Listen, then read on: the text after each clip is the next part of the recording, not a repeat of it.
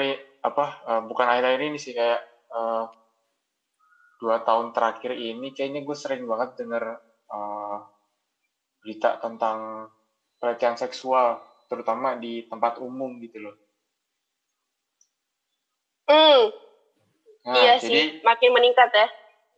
Iya, jadi terus uh, apa namanya gue uh, sering baca-baca juga ada yang kayak uh, khususnya perempuan ya kalau kalau laki-laki sih nggak pernah eh gue sih belum pernah kejadian ya jadi kayak kalau saya perempuan tuh tiba-tiba uh, apa namanya entah buah dadanya itu diremes atau pantatnya itu dipegang-pegang sama cowok gitu. Mm -mm. Menurut gue sih sangat uh, sangat memprihatinkan sih. Jadi kayak kejadian lo kayak kemarin itu juga menurut gue uh, apa namanya ya aneh juga gitu. Sangat kayak, disayangkan ya. Nah, uh, kayak tahun segini tuh masih ada aja orang kayak gitu gitu. Gitu iya emang uh, kejadian kayak gitu di semua tempat hampir di semua tempat tuh ada ya. Dan hmm. kita maksudnya apa ya kita nggak bisa bener-bener 100 persen mencegah untuk itu tidak terjadi gitu. Nah, yang bisa kita coba adalah kita harus benar-benar mengedukasi diri kita dan juga orang lain terhadap uh, aktivitas-aktivitas yang tidak seharusnya dilakukan dan jika harus dilakukan itu seperti apa gitu. Nah, kalau misalnya pelecehan seksual ini kan uh, berkaitan dengan uh, kebutuhan akan sex education. Nah, kebetulan ada teman kita yang memang cukup berkecimpung, yang cukup punya interest di uh, dunia sex education. Nah, kalau kemarin kita punya bintang tamu uh, yang namanya Hana, itu teman SMA ya. kita. Nah, ya. sekarang kita juga masih uh, bersama teman SMA kita. Uh, nah, yang sekarang adalah bernama Satria. Yeay! Halo, halo, halo, halo. Wow, wow, wow, sangat sangat excited dan nervous. Wow, wow, wow. wow, wow, wow, wow, wow. Halo, halo, halo. Halo, uh, ya. Jadi gimana tuh, Sat? Iya, yeah, well, ya yeah, basically begitu. Halo, nama gue Satria. Uh, oh iya, iya, sorry, sorry. Iya, jadi gitu. Um, ya yeah, basically, uh, jadi ya gue cuman salah satu orang dari out of many yang apa ya cukup concern dengan keperluan sex education uh, untuk diimplementasikan di apa ya uh, sistem edukasi terutama di Indonesia ini karena apalagi terutama dengan kayak yang kalian sudah apa ya jelaskan tadi kalau lagi apa ya maraknya uh, isu pelecehan seksual lah kekerasan seksual dan lainnya dan semacamnya uh, yang lagi sering banget viral lah gitu ya mm. jadi ya begitulah gue yes, nah, sebelum Satria ngomong gue aslinya tadi tuh harusnya ada pengenalan ke Satrianya. Nah Satria ini aslinya dia uh, salah satu penulis di to di uh, Thought opinion. opinion ya yeah, thoughtopinions.wordpress.com thought opinions thought uh, opinions oh iya itu dah. Uh, dia dia dia sekarang sudah menulis kurang lebih uh, ada dua artikel. Jadi kalau misalnya uh. kalian tertarik dengan uh, uh, artikel apa namanya uh, akademik bisa langsung ke talkopinions.wordpress.com oke, okay. thank you. ya, nanti bakal kita uh, taruh di uh, deskripsi podcast ini ya. Oke, okay. uh, nah lanjut ke itunya. Uh, aslinya sex education tuh kita belajar apa sih, Sat? Oh, uh, oke okay, oke. Okay. Sebelumnya gue tambahin aja deh buat uh, handle apa namanya iklan lah. Social media. iklan okay. blog gue itu. Jadi uh, blog ya blog sih sebenarnya hitungannya. Uh, thought opinions ini uh, yang nanti bolehlah kalian check out nanti sebuah blog kompilasi artikel-artikel sebenarnya sih nggak akademis banget lah ya orang maksudnya ya referensinya juga sangat general terus uh, pokoknya in general thought opinions ini kayak sebuah blog uh, di mana gue dan dua teman gue lainnya itu menulis artikel-artikel ya sesuai dengan concern kita sendirilah gitu apa pengen ranting aja gitu tapi akademis dan kebetulan gue uh, udah nulis dua dan salah satunya ya tentang seks edukasi ini yang ya gue tertarik untuk ngomongin lah untuk voice out my own opinions gitu oke okay. hmm. terus apa hmm. tadi pertanyaannya sar uh, aslinya sex education tuh ngajarin kita apa sih? Oke. Okay. well jadi sex education itu mungkin ini ya banyak uh, banyak banget yang mereka ajarin gitu sebenarnya buat kita. Walaupun banyak banget stigma-stigma di sosial atau di komunitas mana pun lah banyak gitu. Terutama di Indonesia ini yang cukup yang negara yang religius gitu uh, bisa dibilang hmm. seks edukasi itu kan cukup tabu ya Hmm. Dan banyak banget lah miskonsepsi gitu apa itu sex education ya. Um, jadi well yang proper understanding of sex education itu sebenarnya ya nggak cuman mereka ngajarin apa itu seks atau gimana caranya uh, untuk uh, apa ya having Sexual a respect ya yeah, a respectable sexual intercourse gitu uh-uh. a proper gitulah um, mereka juga ngajarin well ini sih apa ya according to guidelines guidelines yang dipublish sama UNESCO ada namanya International Technical Guidance on Sexuality Education uh-uh. uh, mereka lay out beberapa uh, main topics gitu atau main aspects of sex education yang kira-kira perlu disampaikan gitu Sa kalau emang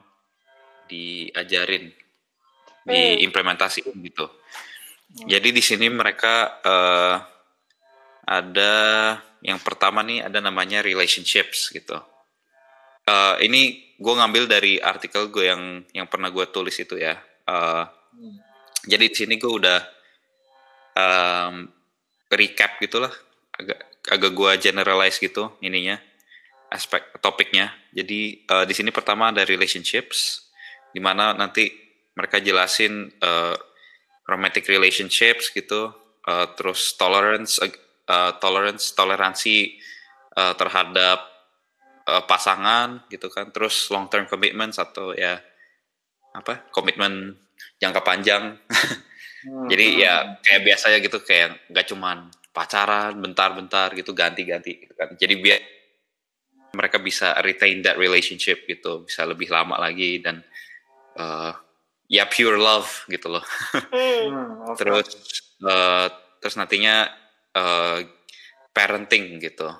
Gimana nanti kalau emang udah punya anak bisa menjadi orang tua dan role model yang baik untuk anaknya gitu. Oke, terus di, yang kedua ada rights, values, and sexuality. Uh, di sini mereka um, akan membahas soal seksualitas dalam konteks um, human rights atau apa Indonesia ya? Hak asasi manusia. Hak, hak, hak, hak oh, iya, iya. manusia. Hak asasi manusia. Nah, terus values, uh, kalau values apa ya? nilai uh, nilai nilai-nilai ya nilai-nilai yeah. atau norma gitu ya terus culture and society uh, bisa ngomongin tradisi dan um, society ya ini komunitas gitu komunitas seksualitas uh, yang ada di ya kontekstual sih ada di mana gitu ini diajarinnya gitu si seks edukasinya terus berikutnya ada understanding gender atau uh, lebih mengerti tentang uh, apa? Apa apa apa? Gue gue gue nggak usah mikir gitu kalau Indonesia itu apa ya atau gak usah lah ya. Gimana, jadi gimana? under, gender lah ya. Understanding ah, gender. Mm -mm. gender juga uh, gitu kok. bisa dimengerti. Ya uh. ya oke okay. so gender uh, jadi lebih mengerti tentang stereotype stereotype uh, dan bias yang ada terhadap uh, the different the different uh, apa ya kinds of gender gitu kan. Tau lah ya ada uh, male female terus nanti ada lagi yang dibahas kayak uh, sexual orientation gitu. Ah ya ya ya ya oke. Jadi stereotypes and bias itu sih lebih ke kayak misalnya apa uh, stigma uh, yang ada terhadap misalnya cowok gitu kan. Kayak cowok nggak boleh nangis gitu kan. Harus maco gitu. Atau untuk yang perempuan harus lembut uh, harus lebih nurut ke cowoknya gitu kan. Ah pokoknya banyak lah itu bisa panjang kan. Terus social construction of gender gitu. Um, jadi ada juga tuh pembahasan di mana um, ada yang kayak persepsi gender yang dibentuk oleh uh, apa ya sekitar kita gitu loh sosial sendiri gitu. Apa um, kayak the different types of gen uh, or sexual orientation sih gitu. Mm. the LGBT gitu gitulah gitu kan banyak uh, debatnya gitu mm -mm. apakah itu natural atau itu dibuat-buat gitu kan terus uh, gender equality lalu norma-normanya Oke, okay, uh, eh, terus berikutnya, oh mungkin biar cepat gue langsung sebutin aja kali ya. Boleh, biar, boleh. Uh, biar boleh, boleh, boleh. Save, save time juga lah ya. Oke, okay. jadi berikutnya ada sexual violence. Uh, nah itu nanti bisa kita bahas lebih panjang lagi. Ya pokoknya basically tentang uh, ya gimana cara mencegah kekerasan gitu, gimana uh, lebih mengerti lagi dengan menggunakan informasi yang ada gitu kan. Hmm. Terus uh, the human body and, develop, and development gitu uh, tentang sexual dan reproductive anatomy, uh, the physiology, puberty, and body image. Terus sexual behavior uh, itu membahas tentang seks dan the sexual life cycle, uh, sexual behavior, and sexual response. Terus terakhir ada sexual and, rep and reproductive reproductive health. Um, ada jadi sini bahas pregnancy prevention atau unwanted pregnancy prevention. Uh, terus ada HIV/AIDS stigma, uh, gimana treatment dan supportnya, lalu understanding the risk reduction of STIs gitu. Ya basically itulah. hmm. Terdengarnya basic tapi ternyata uh, cakupannya luas banget ya Sat ya. Kira, nah, iya, gue iya. tuh cuman kayak apa between orang yang ingin mempunyai apa sexual intercourse gitu. Pasal, Tapi ternyata sampai nah. ke mana-mana ya. Nah iya sampai, betul banget itu. Sampai hubungannya ke misalnya ada teman lo yang gay gitu loh. Nah iya itu itu semuanya termasuk lah itu kayak makanya um, itulah sayangnya kayak apa beda bedanya uh, mis kayak Western countries gitu yang di Eropa dan itu misalnya dan sama kayak most kayak a lot of Asian countries lah gitu yang pokoknya beda banget persepsi uh, terhadap seks dan seksualitas gitu loh kayak di mana Western countries usually mereka lebih terbuka gitu kan lebih um, outspoken gitu loh tentang ini. Kalau kita kan lebih um, apa sih? Diem. Lebih diem gitu lah ya. Hmm. Menjaga eh, ini kali ya, menjaga norma-norma gitu ya. Iya, kayak takut uh, campur-campur sama tradisi lah, ngerusak dan lain-lain gitu kan. Jadi kayak mm.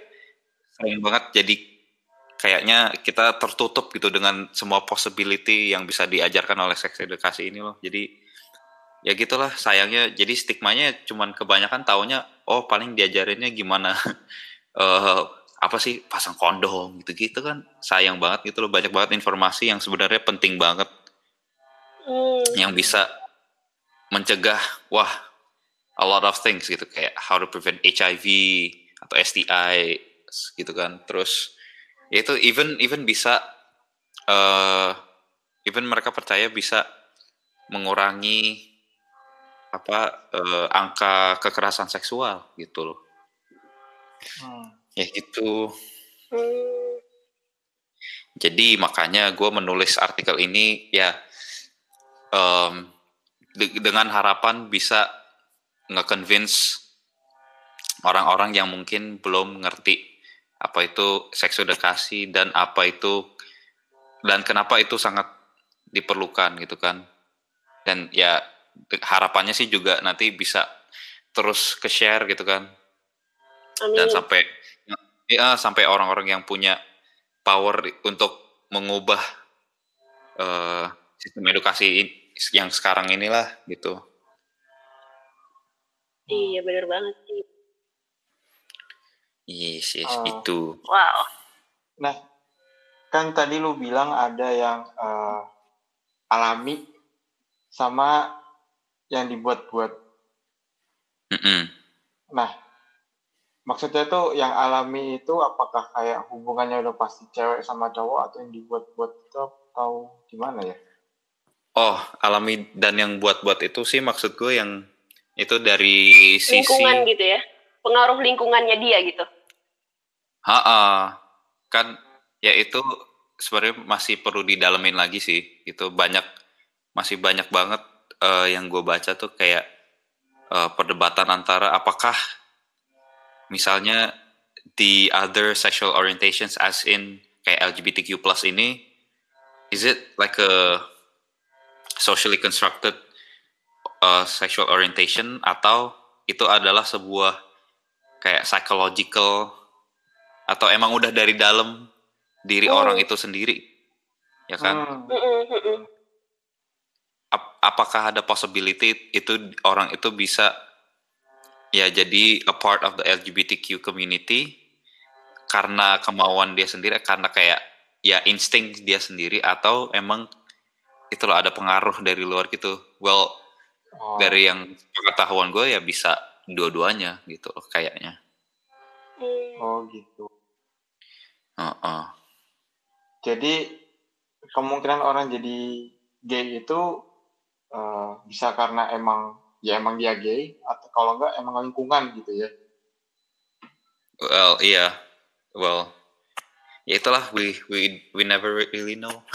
Iya, masih exactly. butuh masih butuh diskusi dan pembahasan lebih panjang lagi untuk kayak gitu. Yeah. Untuk topik oh, itu. Yeah. Endless debate banget lah so ah. gue nggak bisa terlalu apa ya conclude anything lah gitu kalau soal itu oh hmm. oke okay.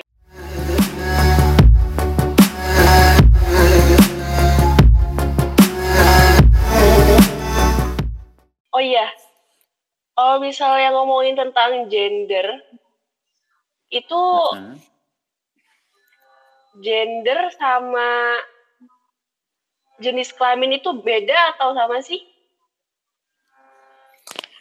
Um, Oke, okay, well dari sepengetahuan gue itu jadi um, kalau jenis kelamin jenis kelamin itu ya kalau di bahasa Inggrisin itu ya sebenarnya gender sih ya mungkin um, tapi ada juga sih ada juga sih yang dia ngomong seks seks dan gender gitu. Kalau seks kan jenis kelamin. Nah. Ya nah itu gue kebetulan tuh pas uh, semester terakhir um, kuliah itu gue ngambil kayak sexuality studies gitu kan ya. Mm. um, jadi di situ mereka ini mencoba membedakan apa itu perbedaan uh, gender dan seks. Walaupun sering banget kayak itu dipakai uh, dalam kayak dengan apa ya um, arti yang sama gitu kan. Kayak male or female gitu kan. Mm. jadi ada yang bilang kalau male or female itu gender. Kalau seks baru man or women gitu. Oh. nah ya. Jadi gue gue lupa apa itu uh, penjelasannya gimana tapi ya jadi itu sih pembedaannya itu kayak kalau gender itu lebih sebutannya uh, are you male or female? Baru kalau seks itu uh, man or woman gitu. Or the other way. Uh, kok gue lupa? Ya basically gitulah. Might might have to might have to ini refresh my memory on that oke okay. gue gitu ngerti sih maksudnya apaan tadi jadi nggak tahu ya kalau emang kalau dibahas dalam bahasa Indonesia mungkin agak agak agak susah gitu kan. Soalnya hmm. kayak pengertian male male dan man itu kalau mungkin bahasa Indonesia agak sama gitu loh jadi kayak laki-laki gitu kan. Hmm. Terus apalagi gitu kan. Jadi ya gitulah pokoknya bahasa Inggrisnya uh, gitu kalau is it, I think it's kalau gender baru man or woman baru seks soalnya seks itu kan ya kayak sexual orientationnya gitu bisa male fi nah ya I think gitu deh. Male female baru yang LGBTQ plus gitu. Oh. Whatever uh, whatever sexual orientation you conform to gitu loh. Oke. okay. I think I think basically agak complicated ya walaupun kayak basic basic tapi ya itu maksudnya yeah. sesuatu yang harus kita tahu tapi kita belum begitu tahu gitu dan menurut menurut gue penting exactly. banget. Ya, yeah. hmm. ya yeah. cukup kompleks tapi kayak it's fascinating gitu loh untuk untuk dipelajari gitu sebenarnya. Hmm. Oke, okay. uh, eh, nah tadi kan lo bilang uh, sex education itu ngajarin kita soal uh, apa namanya sexual behavior ya? Iya. Atau nah, perilakuan ini ya seksual. Nah itu berarti apakah uh, cara kita nahan hasrat atau gimana ya?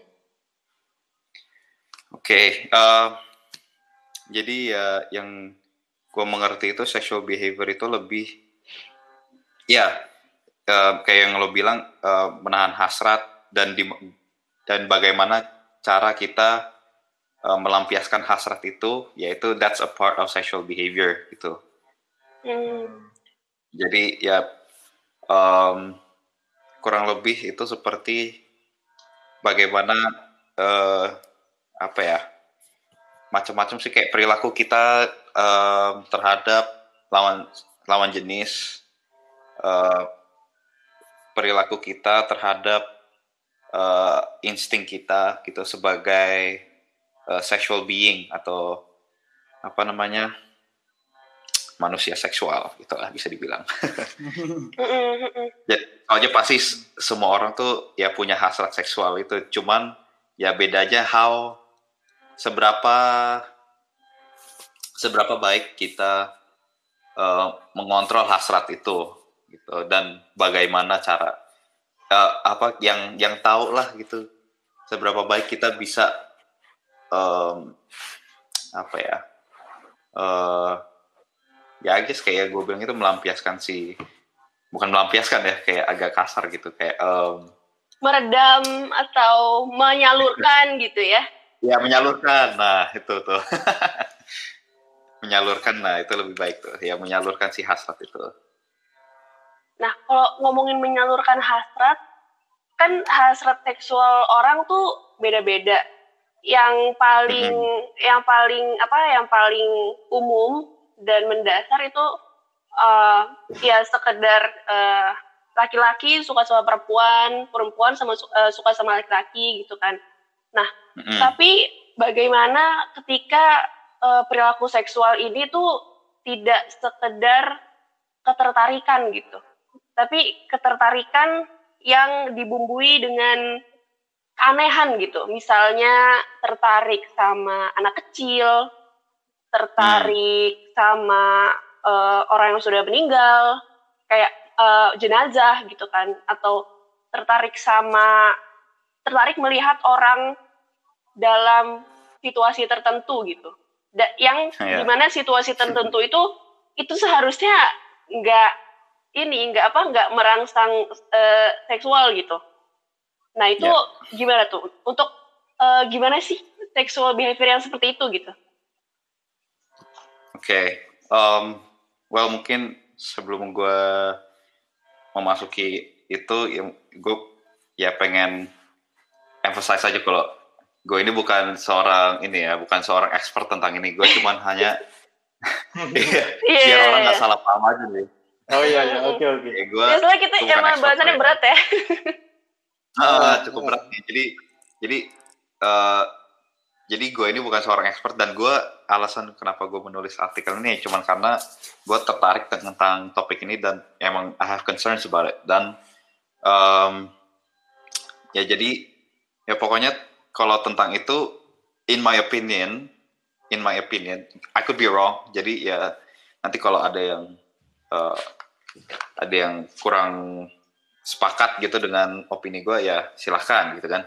Tapi basically um, kalau in my opinion tentang orang yang mempunyai uh, kecenderungan terhadap hal-hal yang bisa dibilang cukup out of the ordinary gitu.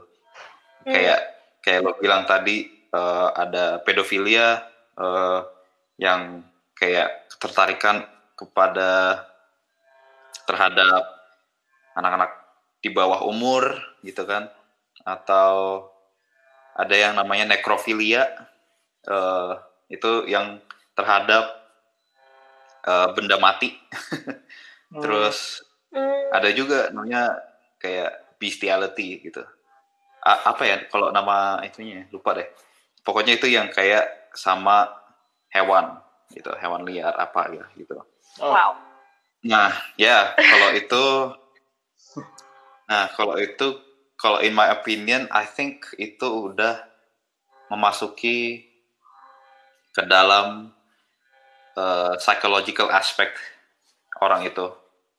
Um, you know, like the, I mean, the human mind works in strange ways gitu.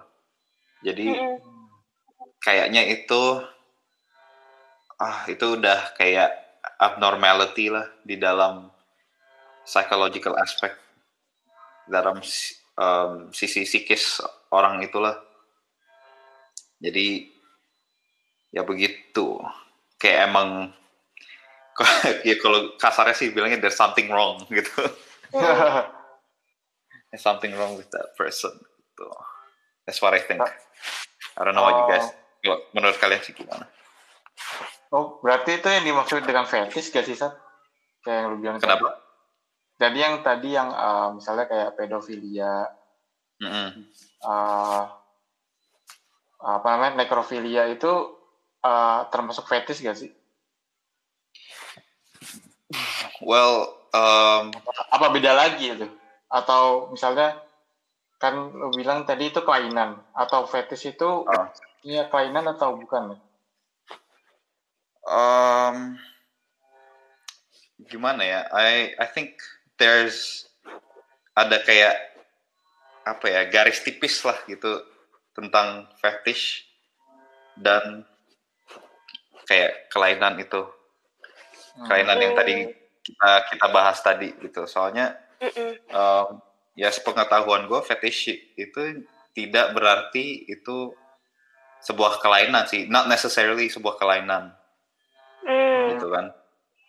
Soalnya fetish itu bisa aja uh, kalau diartikan itu ya sebuah um, apa ya fiksasi atau kayak ketertarikan secara seksual itu uh, terhadap um, apa?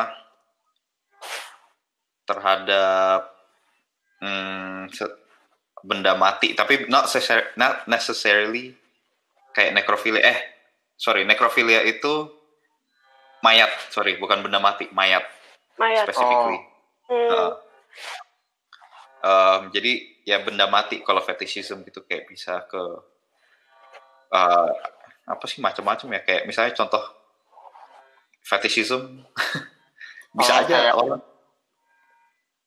apa ya? orang suka mungkin dalam uh, relationshipnya uh, dia fetishnya ya mungkin kaki gitu kan.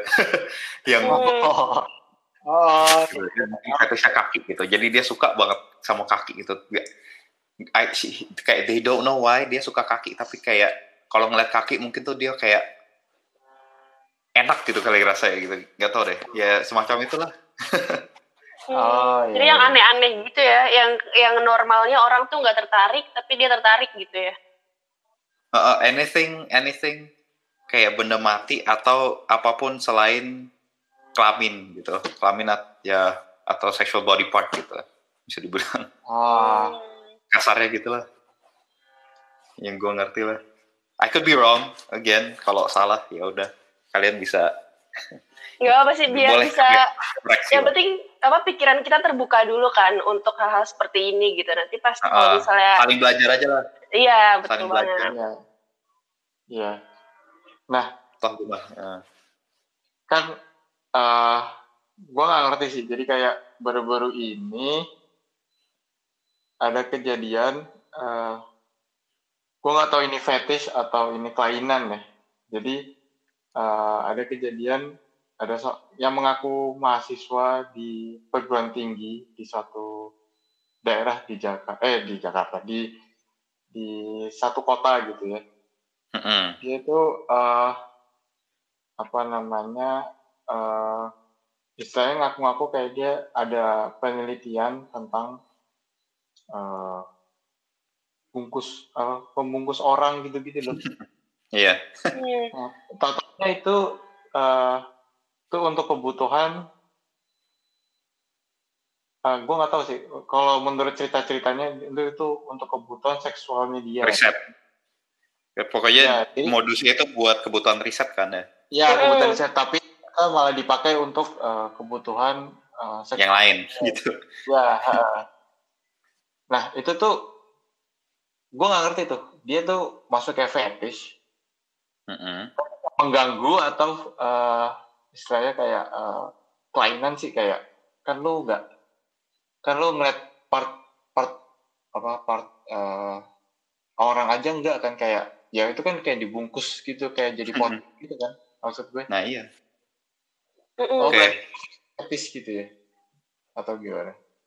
Oke, Em, oke kalau menurut gue itu kan orang itu dibungkus jadi kayak bentukannya tuh kayak pocong ya. Iya. Iya.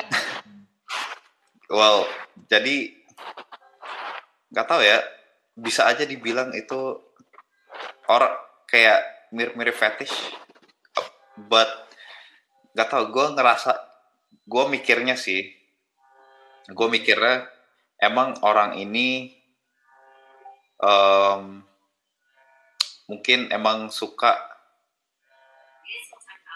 emang suka apa ya sesuatu yang berbau kayak mayat gitu ya kali ya. Makanya di dibungkusnya tuh kayak ala ala pocong gitu kan. Hmm. jadi mungkin mungkin agak mencondong ke arah nekrofilia gitu. Tapi at the same time itu kan orangnya masih hidup ya. Hmm, mungkin masih gerak-gerak gitu-gitu kan. Mungkin Iya. nggak tahu dia dia dia dia di beritanya dia nggak nggak apa-apain kan. Orang itu cuma dibungkus udah terus Ya, ya mungkin terus untuk melepas ha- untuk melepas hasrat itu kan kali ya. Ya.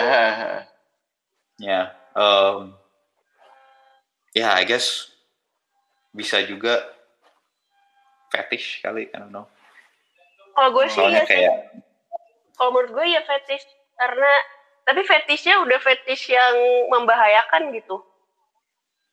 ya bisa bisa berakibat ini kan kehilangan nyawa gitu Iya dan Iya. membahayakan orang lain gitu. ya soalnya aneh juga dia mungkin suka juga ngeliat orang apa ya kayak eh, struggling gitu loh Hmm, nah itu dia. Soalnya dia sampai dibebet pakai lakban gitu kan. Kayaknya tuh kepuasannya tuh dia ngelihat uh, uh, orang yang menurut dia menarik, dia tuh nggak bisa apa-apa gitu. Mm -mm, itu, itu ada, mirip ada juga yang kayak, kayak gitu. Uh, uh, itu mirip juga kayak uh, namanya bondage. Oh iya, uh, termasuk BDSM ya. BDSM. Oh. Yang satu tapi, saudara sama apa Fifty Shades of Grey gitu ya. satu iya, jalur gitu. Iya. Tapi agak ekstrim sih ini sih, soalnya BDSM yang yang gue mengerti itu it's not bukan soal uh, sadis dan seorang masokis gitu loh. uh, saya BDSM itu ya sebenarnya orang-orang yang melakukan BDSM ini kebanyakan ini uh, udah mutual understanding gitu loh, mutual pokoknya ke, oh. keinginannya tuh udah mutual gitu loh. Pengen yang satu pengen diikat, yang satu yang mendominasi gitu kan. Udah ada konsen gitu ya oh. intinya. Iya, konten lah, iya. Uh. Hmm. Nah, kalau ini beda gitu loh. Ini one sided banget kan. Manipulasi hmm. banget sih. Betul, betul. Manipulasi. Jadi nggak bisa dibilang BDSM sih kalau gue ya. Jadi itu udah ruled out lah. Jadi ya nggak tahu ya masih masih perdebatan berlanjut sih. Either itu fetish or emang ya ada kayak kecenderungan ke arah necrophilia gitu. Uh, ya, pokoknya either way it's it's uh, uh it's not it's it's there's something wrong dengan orang itu. Emang dia tuh kayak me, kayak memangsa gitu. Dia tahu tipe mangsanya tuh seperti apa gitu. Ya itu orang yang lebih muda terus yang polos yang nggak enakan. Itu kan gue gue tuh baca seluruh chatnya gitu. Kayak yeah. Itu banget kayak oh my god kok bisa sih ada orang sepolos ini tapi kok bisa udah uh, chatnya udah mengarah ke hal yang aneh tapi bisa apa merasa bersalah gitu Makanya padahal agak, dia agak manipulasi banget itu kayak ih toxic banget gila agak agak disturbing juga sih ya kayak maksudnya si korban-korban ini apa nggak ngerasa aneh gitu ya? Iya. Kayak conversationnya tuh menuju ke mana gitu mereka nggak ngerasa apa ya? Tapi ya nggak usah victim blaming juga sih. Namanya mungkin emang mereka ada masih ada faith gitu terhadap si pelakunya ini. Kayak MO mungkin emang buat riset gitu kan. Ya, termanipulasi gitu kan. Mm -mm. namanya juga manipulasi. Iya. Ngaco lah. Kalau gue sih aduh gue udah gue gue nggak kayak gue apa kalau di apa di apa di chat kayak gitu kayak permulaan aja gue udah tahu itu tuh pasti aneh-aneh. Dari chatnya itu gila. Ya lah pakai eh sini saya bungkus gitu kan. Iya tuh, aduh perik banget. kayak aduh. Geli aja merinding sih. Yang banyak banget terkuak gitu ya, harus viral gitu ya. Mm-hmm. Baru bisa tangkap dan lain-lain. Oh iya, ini nih, uh, masih mungkin sedikit berhubungan dengan sexual behavior. Jadi uh, sexual behavior itu kan uh, salah satu cara kita menyalurkan hasrat seksual gitu ya. Dan uh, cara yang paling populer salah satu cara yang paling paling populer bagi orang-orang untuk meng, me, apa menyalurkan hasrat seksual itu adalah dengan uh, menonton pornografi. Nah, hmm. ini tuh pornografi apakah bagian dari sex education atau ataukah kita benar-benar harus protect melindungi diri kita dari pornografi gitu? Uh, well, porn pornografi ini ya even though itu emang isinya ya obviously it's about sex and nothing else kan. tapi ya uh, ya banyak yang bilang sih itu em, tapi kayak sort of ini sih ke arah kayak the apa representasi yang agak salah gitu loh terhadap um, respect respectable dan proper sexual intercourse gitu loh yang Hmm. yang yang harusnya yang dilakukan uh, dengan uh, pasangan yang yang apa ya? Ya yang konsensual. they, they consensual ya consensual relationship gitu. Jadi nggak yang pornografi sebenarnya nggak bisa diambil sebagai pelajaran untuk uh, ya is is is pornography like apa ya kayak is that really how you have sex gitu kan kasarnya gitu kan. jadi enggak gitu loh. It's sort of the obvious answer to it gitu loh buat kalau in my opinion gitu loh. Jadi ah well jadi ya tetap emang emang gimana ya ya tergantung juga sih ya yang yang nontonnya tuh mereka apa ya Sih intensitasnya menurut- gitu ya no no no, no. Iya. Eh, apa menurut gue kayak ya tergantung orang eh, orang ini menontonnya itu dengan mindset yang kayak gimana gitu loh Em, either emang hanya untuk solely untuk eh, ya melepas hasratnya dia atau ya kayak mungkin dia polos banget lah saking polosnya dia akhirnya ya jadi belajar dari situ gitu loh. Terus akhirnya ya jadi persepsi terhadap seks itu ya kayak yang ada di dalam pornografi itu gitu. ya jadi kayak dua mindset yang berbeda. Jadi bisa aja orang nonton itu tapi tahu sebenarnya ini salah gitu loh caranya. Nah Hmm. ada juga yang mungkin ya ya gitu. Jadi kebalikannya gitu loh. I think ya what was what was the question apa lagi tadi Iya, iya sih lumayan udah udah terjawab sih. Jadi kayak Hmm. pornografi itu satu masalahnya, yang satu itu eh, dapat menimbulkan pandangan atau imajinasi yang tidak realistis terhadap hubungan seksual yang normal gitu kan.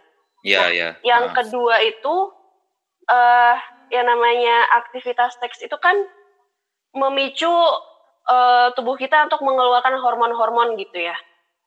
Nah, Hmm. kalau misalnya aktif apa kita nonton pornografi itu juga hormon yang sama itu juga terlepaskan gitu, dilepaskan oleh tubuh kita gitu.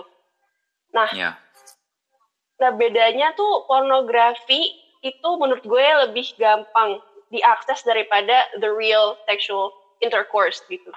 Jadi eh, hormon-hormon eh, hormon-hormon kayak endorfin gitu-gitu yang membuat di- diri kita senang itu eh, dilepaskan terus sama tubuh kita gitu. Dan kalau misalnya kita makin nonton, makin terus-terusan nonton, makin hormonnya itu tak terkendali gitu. Akhirnya kita jadi kecanduan. Nah, Mm-mm. kalau udah kecanduan, eh, kecanduan terus juga efek mentalnya dari eh, materi pornografi itu juga bisa ngerusak banget gitu.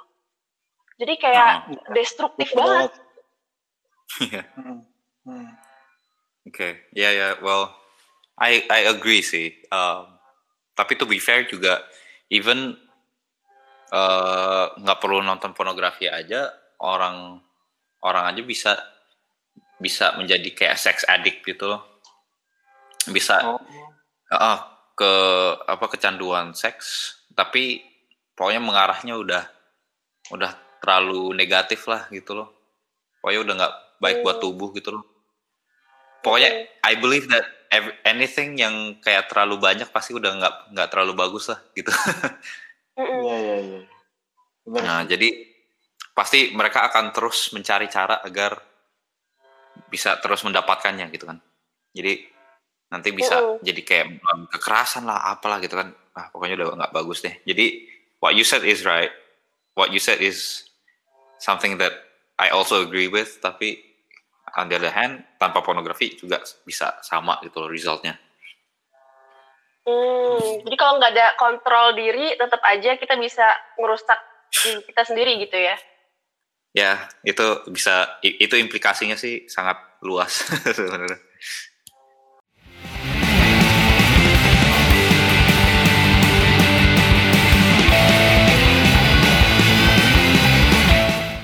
kalau misalnya uh, apa namanya sih kayak hmm, kalau yang tadi eh kalau misalnya ini gue nyinggung soal uh, apa namanya uh, apa RUU PKS ya mm -hmm. yang lagi hangat banget nah mm -hmm.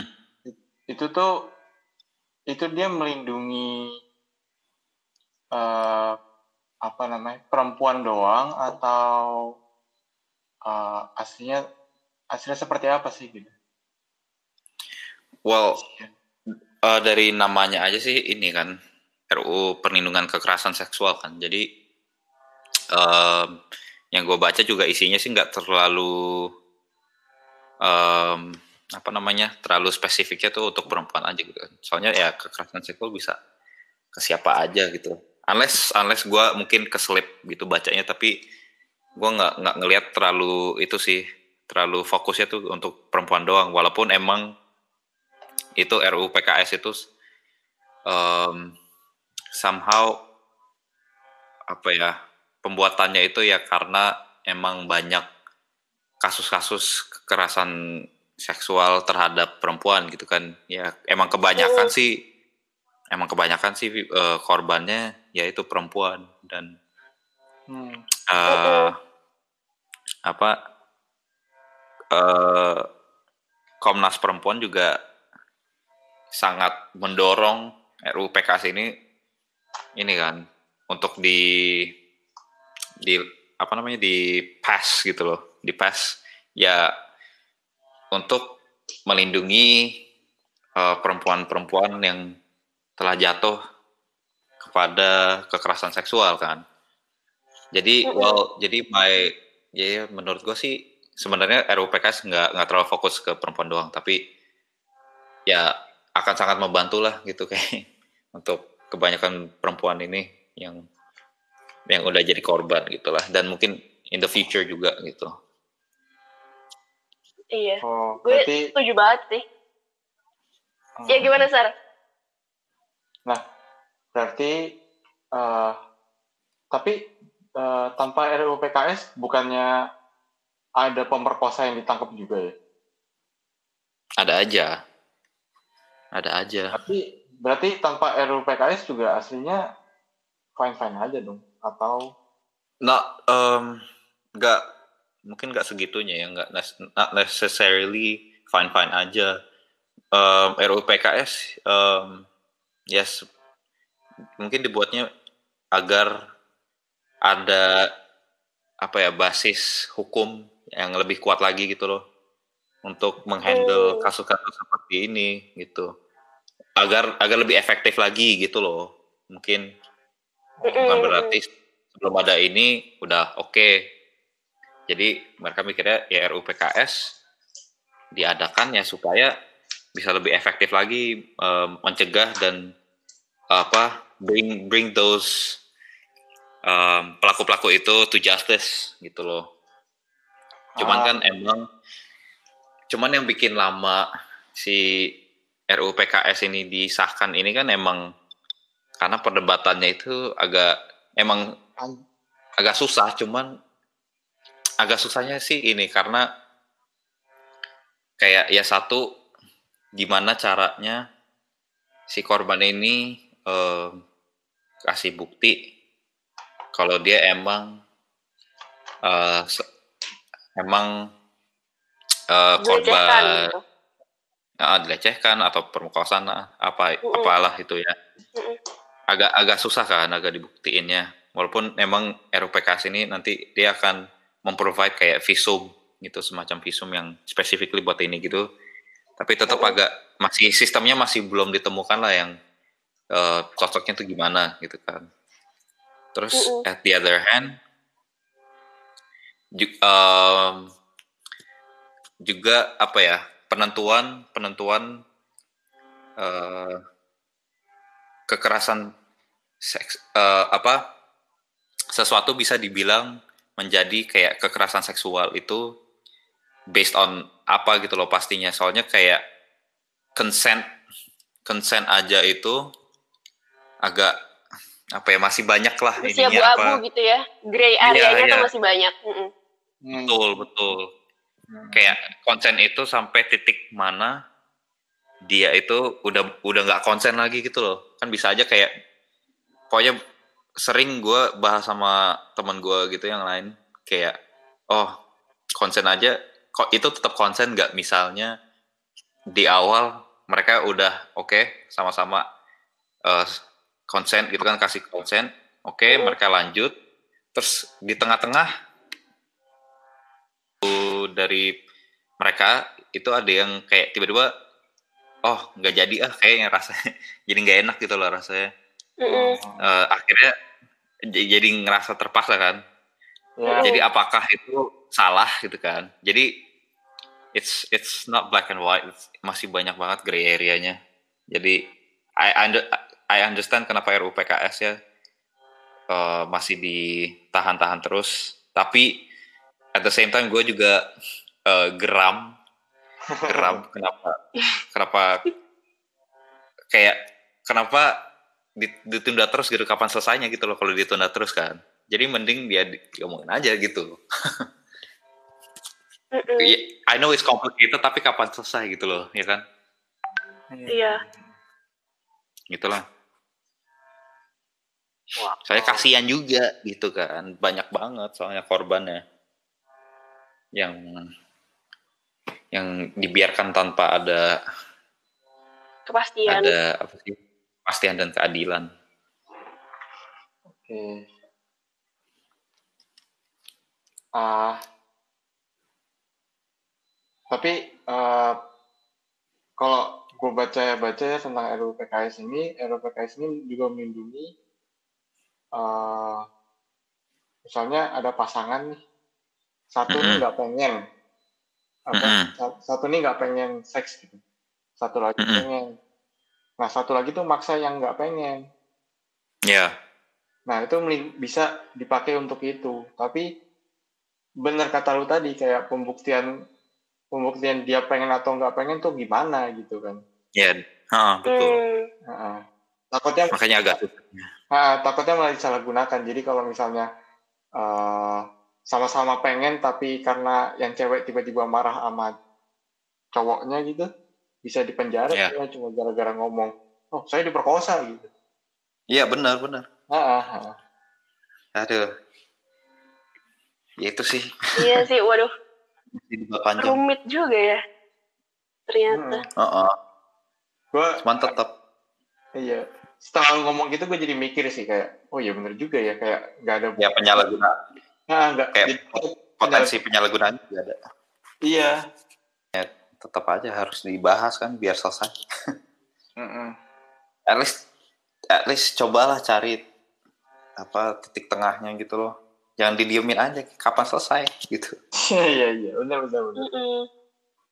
Ya gue nggak gimana gimana tapi maksud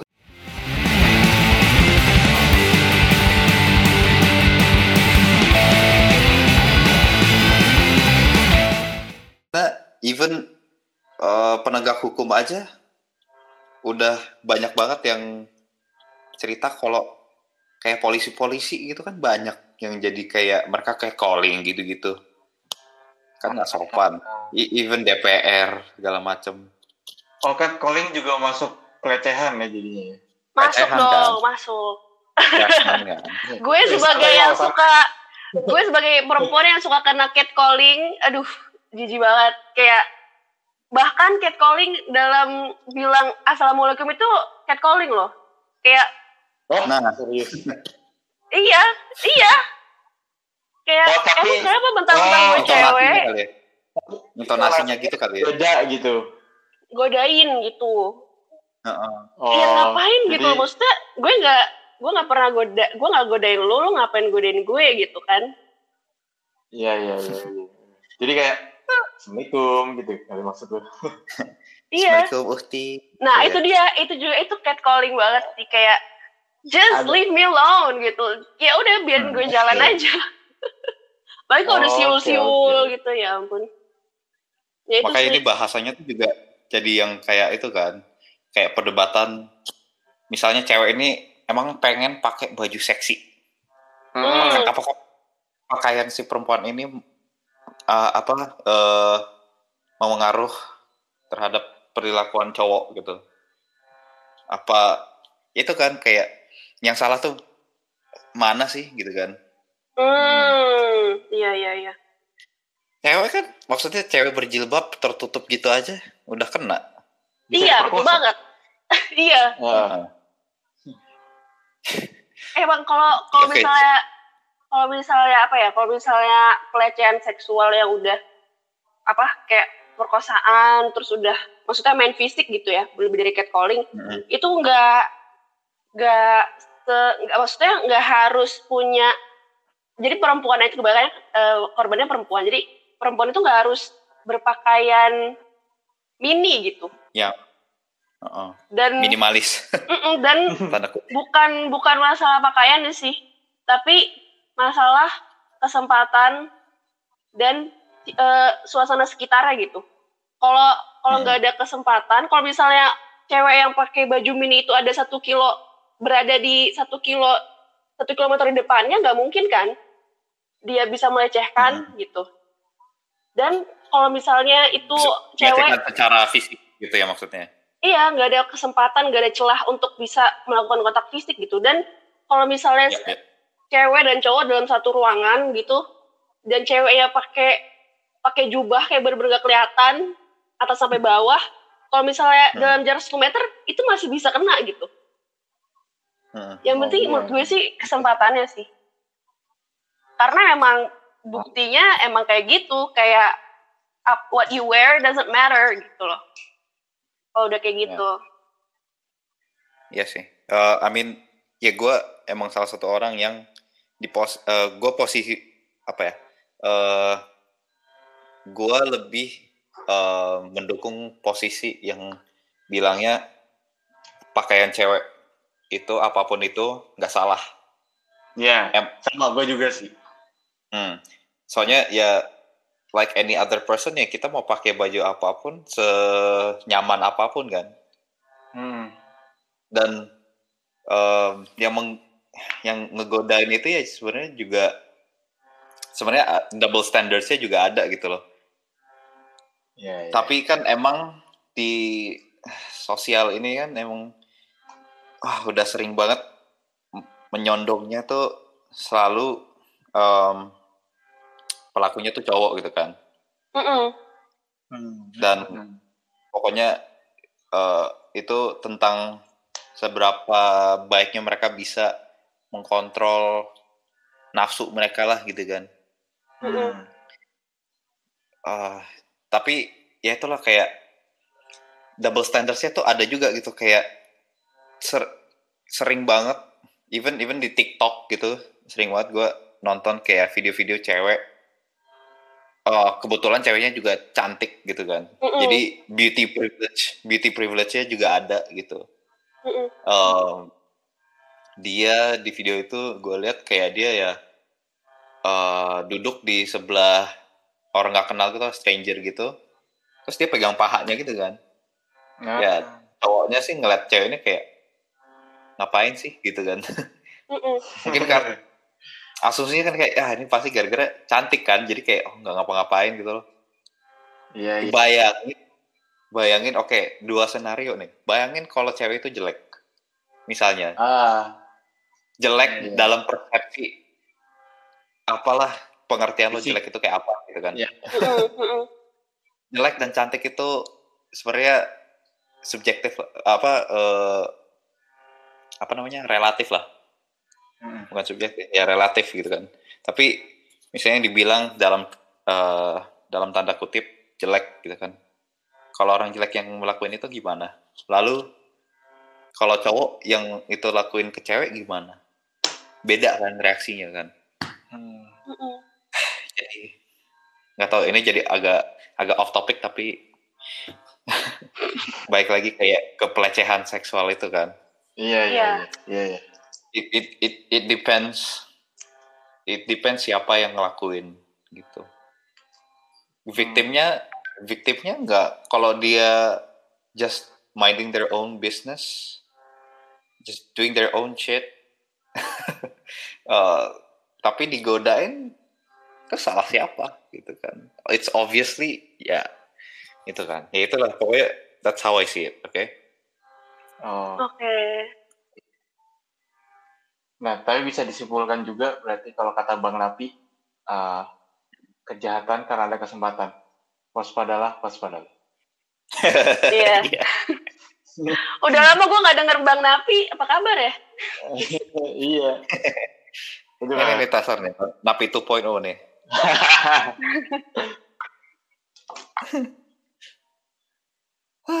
ya itu, itu bisa omongannya panjang Diskusinya mantep banget ya. iya. Kayak ternyata kita masih butuh untuk mengedukasi diri kita sendiri lagi.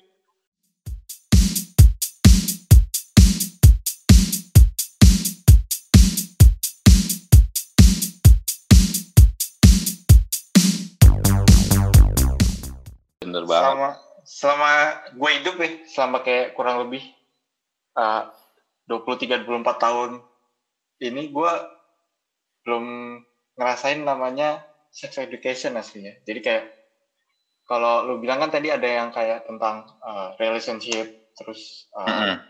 stereotype gender, terus Mm-mm. ada belum uh, belum, nah itu kan belum ada tuh sama ini. Mm.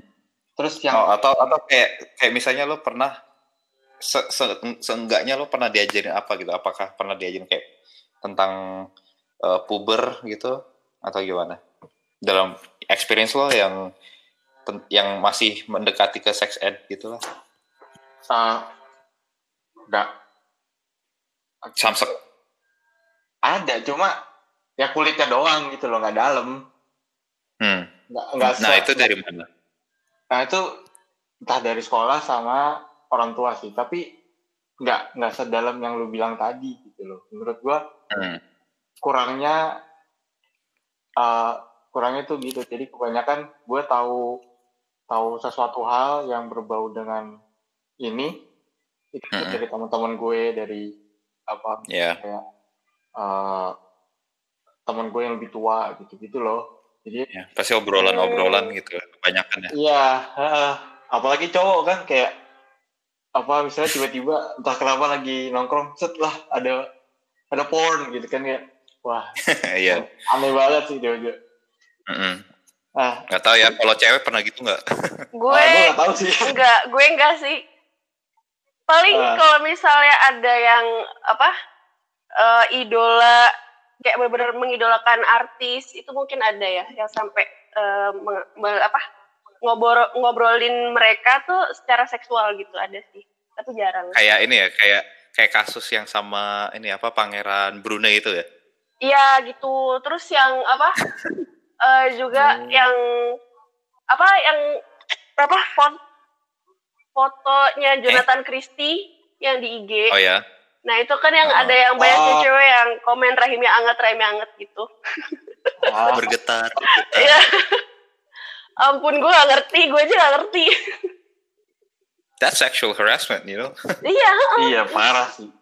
Kayak mentang-mentang cowok lu lu dengan bebas lu ngomong kayak gitu itu juga nggak boleh gitu. Sexual harassment Mm-mm. juga. Lagi udah tahu ada pasangan ya nggak sih? Apa? Nggak tahu sih. Udah punya pasangan nggak sih? Jonathan Christie. Oh nggak tahu sih gue? Hmm, enggak oh sih. nggak tahu lah. Nggak tahu oke pokoknya kalau di di kasus yang pangeran Brunei itu itu obviously dia udah punya pacar sih. Oh gitu. Hmm, ah pokoknya wah itu di mana gua mata gua tuh terbuka banget kalau cewek-cewek Indo tuh ada aja yang psycho abis toxic abis sampai apa? Sampai teror Sa- ah, sampai orang yang mereka nggak kenal Samsung. Cuman karena fandom doang gitu. Hmm. eh sampai ngeneror pacarnya gitu loh. An- Iya, iya, asli. Itu serem banget. Serem. The Iya length that people would go to Hmm. Kalau udah main fandom udah udah udah gila sih. Macem-macem. Oke terus terus terus. Tadi apa tadi? Keseruan. Eh, jadi apa ya? Eh, nah, buat nah pertanyaan gue, eh, gimana caranya eh, kita ini sih kayak uh, mengedukasi diri kita tentang seks gitu kan sedangkan uh, apa namanya kita tuh nggak dapat sex education yang proper gitu loh. Uh -uh. Um, Oke, okay. well, menurut gua sih uh, bisa dimulai dari mengubah mindset kita terhadap apa itu seks dan aspek-aspek di luar uh, seks itu gitu loh. Tapi yang tetap terhubung dengan seks ini gitu. Harus mengubah mindset kita agar lebih terbuka gitu. Agar um, kita lebih terbuka untuk belajar gitu kan Hmm. Gak bisa kita mikir ini tuh terus menjadi sesuatu hal yang tabu gitu. Hmm. Dari situ baru mungkin kita bisa um, mulai uh, dialog gitu kan, hmm. diskusi, uh, um, educational dialog gitu lah dengan siapa pun itu. Um, ya tapi tentunya juga harus kita juga harus ngerti juga gitu gimana benernya makanya makanya ada guidelines ini kan tapi mungkin kalau buat kita sendiri buat baca baca baca itu sendiri tuh panjang banget kan hmm. tapi gue yakin gue yakin pasti banyak banget kok di internet lo tinggal cari unless you know pokoknya carinya ya juga hati-hati juga gitu soalnya bisa aja bisa aja agak ngaco gitu iya iya, iya. ujungnya malah ya. porn makanya soalnya banyak juga gitu loh seks. Maksudnya di Indonesia aja sex education sebenarnya udah ada. Cuman banyak oh. juga kasusnya kayak diajarinya tuh salah gitu. Hmm. kayak pengertiannya pengertiannya tuh salah. Pengertiannya tuh sangat kayak agak di diputer-puter dikit gitu loh. Biar nggak ngerusak gitu. Nggak ngerusak tapi diputer gitu. Gimana maksudnya? Yeah, makanya makanya gitu loh malah justru jadi akhirnya ya jadi misinformation hmm. soalnya kan takutnya maksudnya banyak juga sekolah tuh takut emang segan ngajarin seks ed itu ya karena uh, salah satu alasannya itu jadi takut uh, kalau bahasa Inggrisnya promiscuity jadi hmm. takut takut orang tuh jadi coba sana coba sini gitu tapi hmm, iya, tapi iya, iya. ya ya itu makanya kayak penyampaiannya juga tergantung bro gitu. Lo nyampainya tuh kayak gimana dan info, info apa aja yang lo sampein gitu. Kalau lo bisa nyampein semua aspek-aspek yang penting itu dan dan bagusnya itu diajarinnya tuh dari umur yang kecil ya. Masih masih kecil banget lah. Even kalau di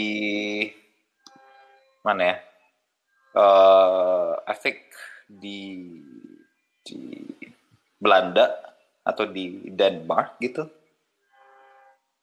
Hmm. Pokoknya ada di artikel gue kok gue lupa sendiri. Tapi pokoknya some some country di Europe mereka ngajarinnya even masih kayak preschool gitu. Oh serius? Oh. Uh, masih kecil banget lah, masih TK gitu hitung-hitungannya itu bagus banget sih. Gue kayak tiba-tiba gue tiba-tiba inget yang kasus ada guru menyodomi uh, murid TK-nya hmm. oh di mana tuh? ada ada. Iya kan? Nah itu menurut gue hmm. iya sih. Menurut menurut gue kita perlu banget gitu edukasi dari sekecil itu. Soalnya bisa jadi target siapa pun bisa bisa bisa jadi target pelecehan seksual gitu. Nggak cuman yang orang dewasa tapi dari anak kecil pun. Waduh Hmm, makanya biar anak kecil tuh juga tahu gitu kayak misalnya uh, orang ini udah mulai kayak agak-agak mengarahnya tuh pengen ke mana gitu kan. Pokoknya yang udah bau-baunya tuh pedofilia gitu kan. Mm-mm. Nah, they have to know gitu loh. Mungkin ya bisa diajarin kali ya caranya mungkin harus teriak kayak apa gitu lah terserah. Pokoknya it's been proven kalau di Eropa itu it works, oke? Okay? Terus kayak yang gue tulis di sini, even even sex ed aja di kalau di Denmark ini mereka have successfully uh, udah sukses mereka uh, menurun menurunkan angka uh, kelahiran. Oh. Bisa kontrol angkanya itu. Oh. Dan uh, dan uh, kalau udah diajarin dari uh, umur uh, kecil ini mereka bisa mereka udah diajarin unwanted pregnancies itu. Dan hmm. safe sex safe sex practices. Gimana caranya seks yang aman gitu. Dan misalnya kalau emang udah kebablas gitu kan. Hmm. ya hamil gitu kan. I mean ya gue gue salah satu orang yang mikir every life is precious semua okay, okay. semua baik ya mereka juga punya punya nyawa lah gitu kan mm-hmm. jadi ya nggak bisa asal buang gitu loh ya kan mm-hmm.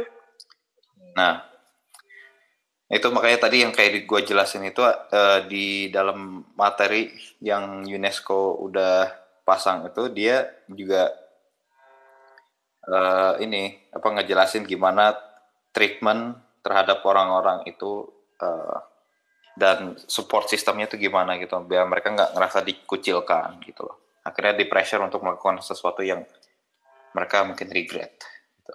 um, um, mungkin balik lagi tadi kalau gimana biar kita bisa um, belajar diri ya gitu. Tadi um, itu kayak mengubah mindset terus um, mulai sedikit demi sedikit mulai ada diskusi atau dialog gitu either with it, with your friends atau kalau punya anak ya sama anak gitu kan. Uh, lalu ya mungkin kalau sama anak sendiri mungkin ya bisa ajarnya dengan cara yang uh, fun gitu loh. Jadi nggak terlalu berat gitu buat mereka serap gitu kan informasinya. Iya iya ya. kayak pengenalan uh, organ seks dulu gitu kali ya. Bener bener jadi ya mau ajarin lewat internet boleh. Cuman harus disupervise gitu kan. Ya. Iya. Ya pokoknya gitu deh. Pokoknya harus ada supervision gitu lah um, but uh, you know itu juga kontekstual juga sih. Kayak uh, lu ada di negara mana? Kalau di Indonesia mungkin ya ya itulah mindset aja bakal agak susah gitu loh ngubahnya Ya apa kita start kita start dari anak-anaknya kita gitu. Jadi the new generation akan mendapatkan seks edukasi yang lebih baik gitu ya, jauh lebih baik. Proper. Ya yang proper sih. Gak, gak dari ah. sih gitu-gitu loh. Benar-benar. Nah, uh. terus gue juga pernah baca tuh di Jogja nih. Di Jogja, uh, itu artikelnya kalau nggak salah dari tahun 2013 atau 15 gitu.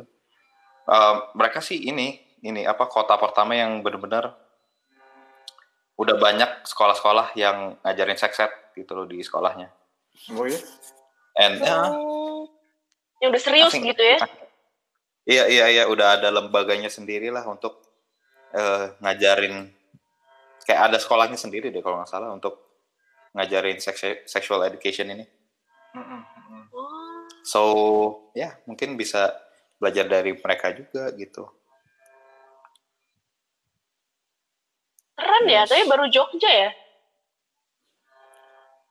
Yang gue baru nemu sih ya, baru di Jogja.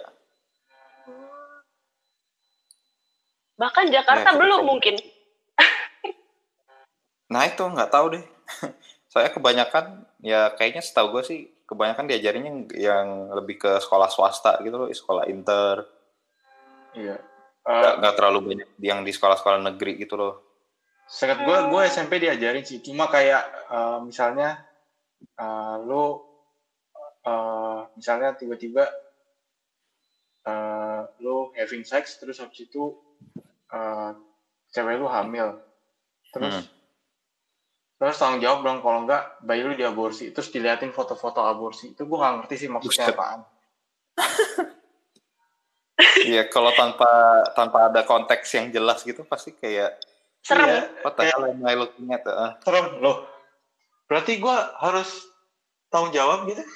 Gak ada gak ada preventifnya gitu. Ya mau nggak mau pasti kan?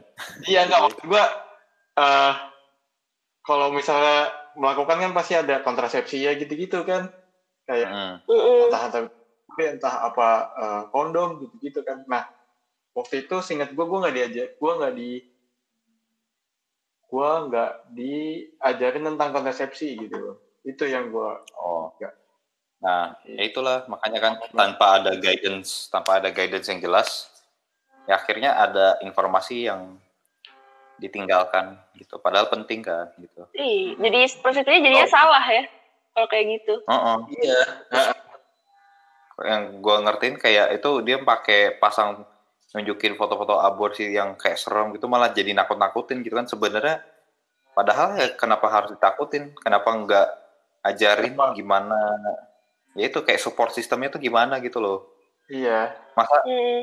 masa kalau udah terjadi jadinya eh, lo banyak Kucil. banget yang kayak akhirnya di, eh, dikucilkan lah dibuang sama keluarga lo lah Heeh.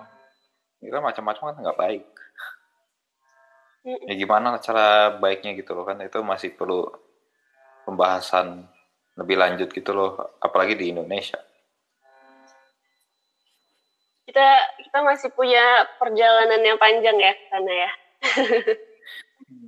ya ya quite the long way sadly Yang penting kita start dari diri kita, terus juga eh, pendengar-pendengar kita yang mungkin sudah mendengar sampai sejauh ini dan akhirnya mulai tertarik untuk memperdalam sex education ini. Mm-mm. Eh, it's it's never too late Hmm. iya mm-mm. benar better better now than never um, ya gitu pokoknya just keep an open mind aja gitu loh jangan jangan pedulikan tradisi-tradisi kita yang apa tabu-tabu apalah mitos-mitos atau eh, stigma-stigma gitu itu itu itu eh, buang dulu lah itu apa ya itu sebenarnya apa pun yang kita kalau mau pelajari apa pun pasti harus keep an open mind kan Yang penting kritis dulu ya sama apa yang ada di sekitar kita gitu. ya Mm-mm. Betul, kritis. Itu nomor satu. kritis terhadap diri sendiri. Wah. Buset, jadi bijak gitu. Iya, jadi ada ini ending quote-nya gitu ya. Bijak apa soto ya? Nah, Oke. Oke, Sar. oke.